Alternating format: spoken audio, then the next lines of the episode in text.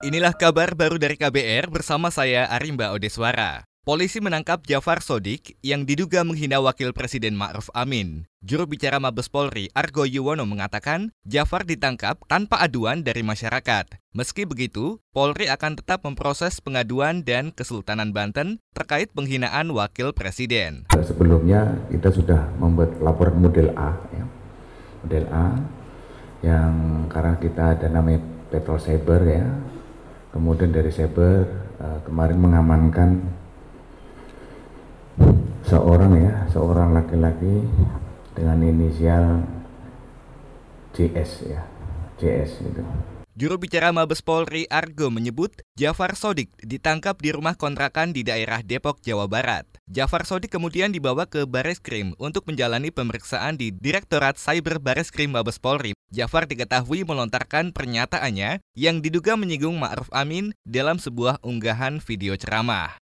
Sementara itu, saudara, pemerintah memastikan tak akan memasukkan pasal yang memungkinkan pelaku pelanggar HAM mendapat amnesti dari Presiden dalam rancangan Undang-Undang Komisi Kebenaran dan Rekonsiliasi KKR. Juru bicara Presiden Joko Widodo, Fajrul Rahman, mengatakan BLI tersebut juga tetap memberikan kewenangan pada KKR membuat rekomendasi penyelesaian kasus pelanggar HAM lewat pengadilan HAM ad hoc. Akan dipisahkan, akan dipisahkan.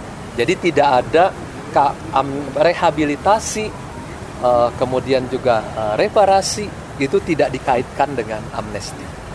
Uh, itu tidak dikaitkan, jadi urusannya nanti ke tetap ada pengadilan hak asasi manusia rekomendasi.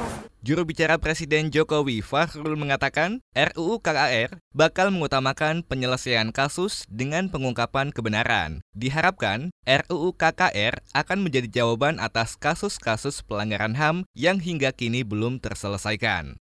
Kita beralih ke informasi selanjutnya, Saudara. Badan Pengawas Pemilu atau Bawaslu meminta kewenangan menindak pelanggaran administratif pemilu diperkuat. Ketua Bawaslu Abhan beralasan Permintaan itu karena banyak putusan Mahkamah Konstitusi MK di sengketa pemilu 2019 yang didasari pada rekomendasi Bawaslu.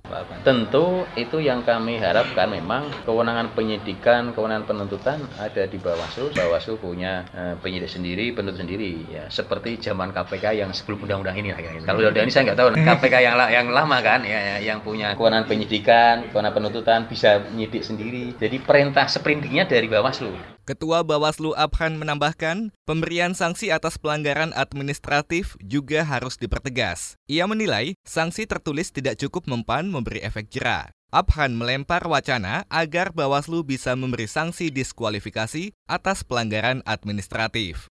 Kita beralih ke informasi olahraga. Timnas Indonesia berhasil lolos ke babak semifinal dan akan bertemu dengan Myanmar pada cabang olahraga sepak bola SEA Games 2019. Tim Garuda Muda lolos ke fase gugur usai menang telak 4-0 atas Laos di Stadion Imus Grandstand Kamis ini. Gol-gol Indonesia dicetak Osvaldo Hai 2 gol dan sumbangsih Sadil Ramdhani serta penalti Bagas Adinugroho. Kemenangan telak itu membuat Indonesia mengoleksi 12 poin dari 5 laga. Osvaldo Hai dan kawan-kawan lolos dengan status runner-up grup B. Demikian kabar baru dari KBR, saya Arimba Odeswara.